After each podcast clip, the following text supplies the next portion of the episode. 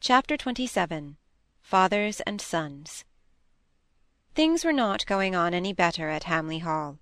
Nothing had occurred to change the state of dissatisfied feeling into which the squire and his eldest son had respectively fallen; and the long continuance merely of dissatisfaction is sure of itself to deepen the feeling. Roger did all in his power to bring the father and son together, but sometimes wondered if it would not have been better to leave them alone for they were falling into the habit of each making him their confidant, and so defining emotions and opinions which would have had less distinctness if they had been unexpressed.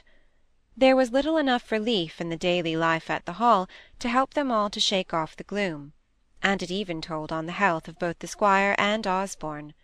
The squire became thinner, his skin as well as his clothes began to hang loose about him, and the freshness of his colour turned to red streaks till his cheeks looked like Eardiston pippins, instead of resembling a Catherine pear on the side that's next to the sun. Roger thought that his father sat indoors and smoked in his study more than was good for him, but it had become difficult to get him far afield. He was too much afraid of coming across some sign of the discontinued drainage works, or being irritated afresh by the sight of his depreciated timber. Osborne was wrapped up in the idea of arranging his poems for the press and so working out his wish for independence.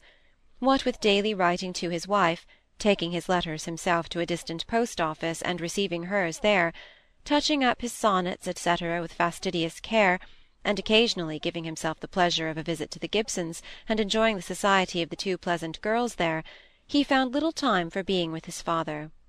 Indeed, Osborne was too self-indulgent, or sensitive, as he termed it, to bear well with the squire's gloomy fits, or too frequent querulousness. The consciousness of his secret, too, made Osborne uncomfortable in his father's presence. It was very well for all parties if Roger was not sensitive, for if he had been, there were times when it would have been too hard to bear little spurts of domestic tyranny, by which his father strove to assert his power over both his sons. One of these occurred very soon after the night of the Hollingford charity ball. Roger had induced his father to come out with him, and the squire had, on his son's suggestion, taken with him his long unused spud.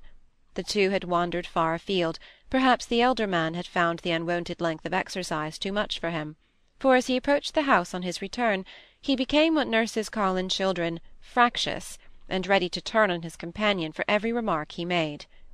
Roger understood the case by instinct, as it were, and bore it all with his usual sweetness of temper. They entered the house by the front door; it lay straight on their line of march. On the old cracked yellow marble slab there lay a card with Lord Hollingford's name on it, which Robinson, evidently on the watch for their return, hastened out of his pantry to deliver to Roger. His lordship was very sorry not to see you, Mr. Roger, and his lordship left a note for you. Mr. Osborne took it, I think, when he passed through.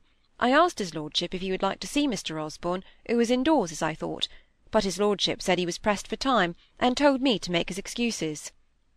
Didn't he ask for me? growled the squire. No, sir, I can't say as his lordship did. He would never have thought of Mr. Osborne, sir, if I hadn't named him. It was Mr. Roger he seemed so keen after. Very odd, said the squire. Roger said nothing, although he naturally felt some curiosity. He went into the drawing-room, not quite aware that his father was following him. Osborne sat at a table near the fire, pen in hand, looking over one of his poems, and dotting the i's, crossing the t's, and now and then pausing over the alteration of a word. "Oh, Roger," he said, as his brother came in, "here's been Lord Hollingford wanting to see you." "I know," replied Roger. "And he's left a note for you. Robinson tried to persuade him it was for my father, so he's added a junior. Roger Hamley, Esquire, junior, in pencil." The squire was in the room by this time, and what he had overheard rubbed him up still more the wrong way. Roger took his unopened note and read it. "What does he say?" asked the squire. Roger handed him the note.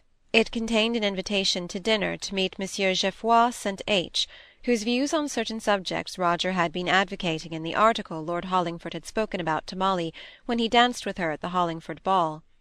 Monsieur Geoffroy St. H. was in England now, and was expected to pay a visit at the Towers in the course of the following week. He had expressed a wish to meet the author of the paper which had already attracted the attention of the French comparative anatomists, and Lord Hollingford added a few words as to his own desire to make the acquaintance of a neighbour whose tastes were so similar to his own. and then followed a civil message from Lord and Lady Cumnor. Lord Hollingford's hand was cramped and rather illegible. The squire could not read it all at once, and was enough put out to decline any assistance in deciphering it. At last he made it out. So my Lord Lieutenant is taking some notice of the Hamleys at last. The election is coming on, is it? But I can tell him we're not to be got so easily. I suppose this trap is set for you, Osborne. What's this you've been writing that the French Mounseer is so taken with? It is not me, sir, said Osborne. Both note and call are for Roger. I don't understand it, said the squire. These Whig fellows have never done their duty by me, not that I want it of them. The Duke of Debenham used to pay the Hamleys a respect due to 'em, the oldest landowners in the county, but since he died, and this shabby Whig lord has succeeded him, I've never dined at the Lord Lieutenant's, no, not once. But I think, sir, I've heard you say Lord Cumnor used to invite you, only you did not choose to go, said Roger. Yes, what do you mean by that? Do you suppose I was going to desert the principles of my family, and curry favour with the Whigs? No, leave that to them. They can ask the heir of the Hamleys fast enough when a county election is coming on. I tell you, sir, said Osborne, in the irritable tone he sometimes used when his father was particularly unreasonable, it is not me Lord Hollingford is inviting, it is Roger. Roger is making himself known for what he is, a first-rate fellow, continued Osborne a sting of self-reproach mingling with his generous pride in his brother. And he's getting himself a name. He's been writing about these new French theories and discoveries, and his foreign savant naturally wants to make his acquaintance, and so Lord Hollingford asks him to dine. It's as clear as can be. Lowering his tone, and addressing himself to Roger, it has nothing to do with politics, if my father would but see it. Of course the squire heard this little aside with the unlucky uncertainty of hearing which is a characteristic of the beginning of deafness, and its effect on him was perceptible in the increased acrimony of his next speech. You young men think you know everything. I tell you it's a palpable Whig trick. And what business has Roger, if it is Roger the man wants, to go currying favour with the French? In my day we were content to hate 'em and to lick 'em. But it's just like your conceit, Osborne, setting yourself up to say it's your younger brother they're asking, and not you. I tell you it's you. They think the eldest son was sure to be called after his father, Roger, Roger Hamley, junior. It's as plain as a pikestaff. They know they can't catch me with chaff, but they've got up this French dodge. What business had you to go writing about the French, Roger? I should have thought you were too sensible to take any notice of their fancies and theories. But if it is you they've asked, I'll not have you going and meeting these foreigners at a Whig house. They ought to have asked Osborne. He's the representative of the Hamleys, if I'm not, and they can't get me, let 'em try ever so. Besides, Osborne has got a bit of the Mounseer about him, which he caught with being so fond of going off to the Continent, instead of coming back to his good old English home. He went on repeating much of what he had said before, till he left the room. Osborne had kept on replying to his unreasonable grumblings, which had only added to his anger, and as soon as the squire was fairly gone, Osborne turned to Roger and said, "Of course you'll go, Roger. Ten to one he'll be in another mind to-morrow." "No," said Roger, bluntly enough, for he was extremely disappointed. "I won't run the chance of vexing him. I shall refuse." "Don't be such a fool!" exclaimed Osborne. "Really my father is too unreasonable. You heard how he kept contradicting himself, and such a man as you to be kept under like a child by—" "Don't let us talk any more about it, Osborne," said Roger, writing away fast. When the note was written and sent off, he came and put his hand caressingly on Osborne's shoulder, as he sat pretending to read, but in reality vexed with both his father and his brother, though on very different grounds. "How go the poems, old fellow? I hope they're nearly ready to bring out." No, they're not, and if it weren't for the money I shouldn't care if they were never published. What's the use of fame if one mayn't reap the fruits of it? Come now, we'll have no more of that. Let's talk about the money. I shall be going up for my fellowship examination next week, and then we'll have a person common, for they'll never think of not giving me a fellowship now I'm senior wrangler. I'm short enough myself at present, and I don't like to bother my father, but when I'm fellow you shall take me down to Winchester and introduce me to the little wife. It'll be a month next Monday since I left her, said Osborne, laying down his papers and gazing into the fire, as if by doing so he could call up her image. In her letter this morning she bids me give you such a pretty message. It won't bear translating into English. You must read it for yourself," continued he, pointing out a line or two in a letter he drew from his pocket. Roger suspected that one or two of the words were wrongly spelt, but their purport was so gentle and loving, and had such a touch of simple, respectful gratitude in them, that he could not help being drawn afresh to the little unseen sister-in-law, whose acquaintance Osborne had made by helping her to look for some missing article of the children's, whom she was taking for their daily walk in Hyde Park.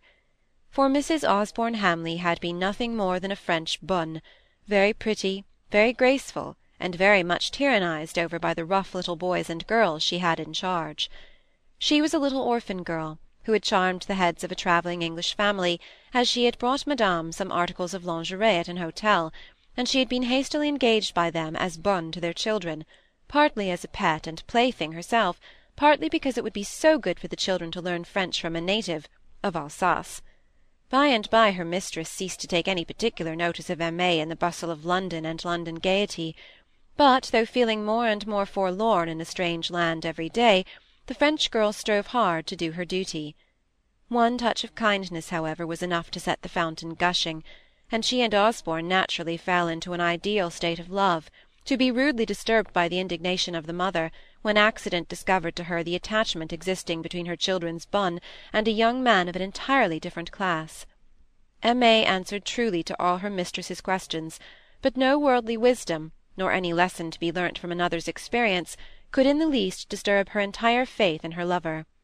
Perhaps Mrs. Townsend did no more than her duty in immediately sending Aimée back to Metz, where she had first met with her, and where such relations as remained to the girl might be supposed to be residing.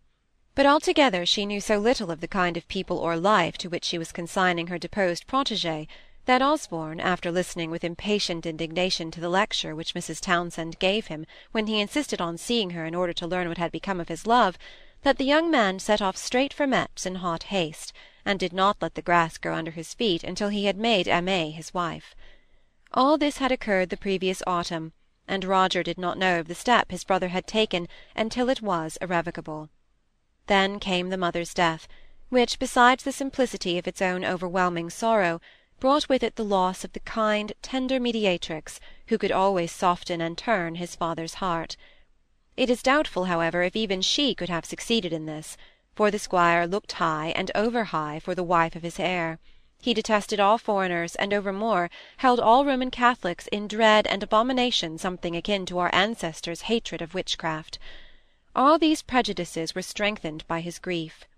Argument would always have glanced harmless away off his shield of utter unreason, but a loving impulse, in a happy moment, might have softened his heart to what he most detested in the former days. But the happy moments came not now and the loving impulses were trodden down by the bitterness of his frequent remorse, not less than by his growing irritability, so Aimée lived solitary in the little cottage near Winchester in which Osborne had installed her when she first came to England as his wife, and in the dainty furnishing of which he had run himself so deeply into debt. For Osborne consulted his own fastidious taste in his purchases rather than her simple childlike wishes and wants, and looked upon the little Frenchwoman rather as the future mistress of Hamley Hall than as the wife of a man who was wholly dependent on others at present. He had chosen a southern county as being far removed from those midland shires where the name of Hamley of Hamley was well and widely known, for he did not wish his wife to assume, if only for a time, a name which was not justly and legally her own. In all these arrangements he had willingly striven to do his full duty by her, and she repaid him with passionate devotion and admiring reverence. If his vanity had met with a check, or his worthy desires for college honours had been disappointed, he knew where to go for a comforter, one who poured out praise till her words were choked in her throat by the rapidity of her thoughts, and who poured out the small vials of her indignation on every one who did not acknowledge and bow down to her husband's merits. If she ever wished to go to the chateau, that was his home, and be introduced to his family, Aimée never hinted a word of it to him. Only she did yearn, and she did plead, for a little more of her husband's company, and the good reasons which had convinced her of the necessity of his being so much away when he was present to urge them, failed in their efficacy when she tried to reproduce them to herself in his absence. The afternoon of the day on which Lord Hollingford called Roger was going upstairs, three steps at a time, when at a turn of the landing he encountered his father. It was the first time he had seen him since their conversation about the Towers' invitation to dinner. The squire stopped his son by standing right in the middle of the passage. "Thou'rt going to meet the Mounseer, my lad?" said he, half as affirmation, half as question. "No, sir. I sent off James almost immediately with a note declining it. I don't care about it; that's to say, not to signify." "Why did you take me up so sharp, Roger?" Said his father pettishly. "You all take me up so hastily nowadays. I think it's hard when a man mustn't be allowed a bit of crossness when he's tired and heavy at heart, that I do." "But, father, I should never like to go to a house where they had slighted you." "Nay, nay, lad," said the squire, brightening up a little. "I think I slighted them. They asked me to dinner after my lord was made lieutenant, time after time, but I would never go near 'em. I call that my slighting them." And no more was said at the time, but the next day the squire again stopped Roger. "I've been making Jem try on his livery coat that he hasn't worn this three or four years. He's got too stout for it now." "Well, he needn't wear it, need he? And Morgan's lad will be glad enough of it. He's sadly in want of clothes." "Ay, ay, but who's to go with you when you call at the Towers? It's but polite to call, after Lord What's-his-name has taken the trouble to come here, and I shouldn't like you to go without a groom." "My dear father, I shouldn't know what to do with a man riding at my back. I can find my way to the stable-yard for myself, or there'll be some man about to take my horse. Don't trouble yourself about that." "Well, you're not Osborne, to be sure.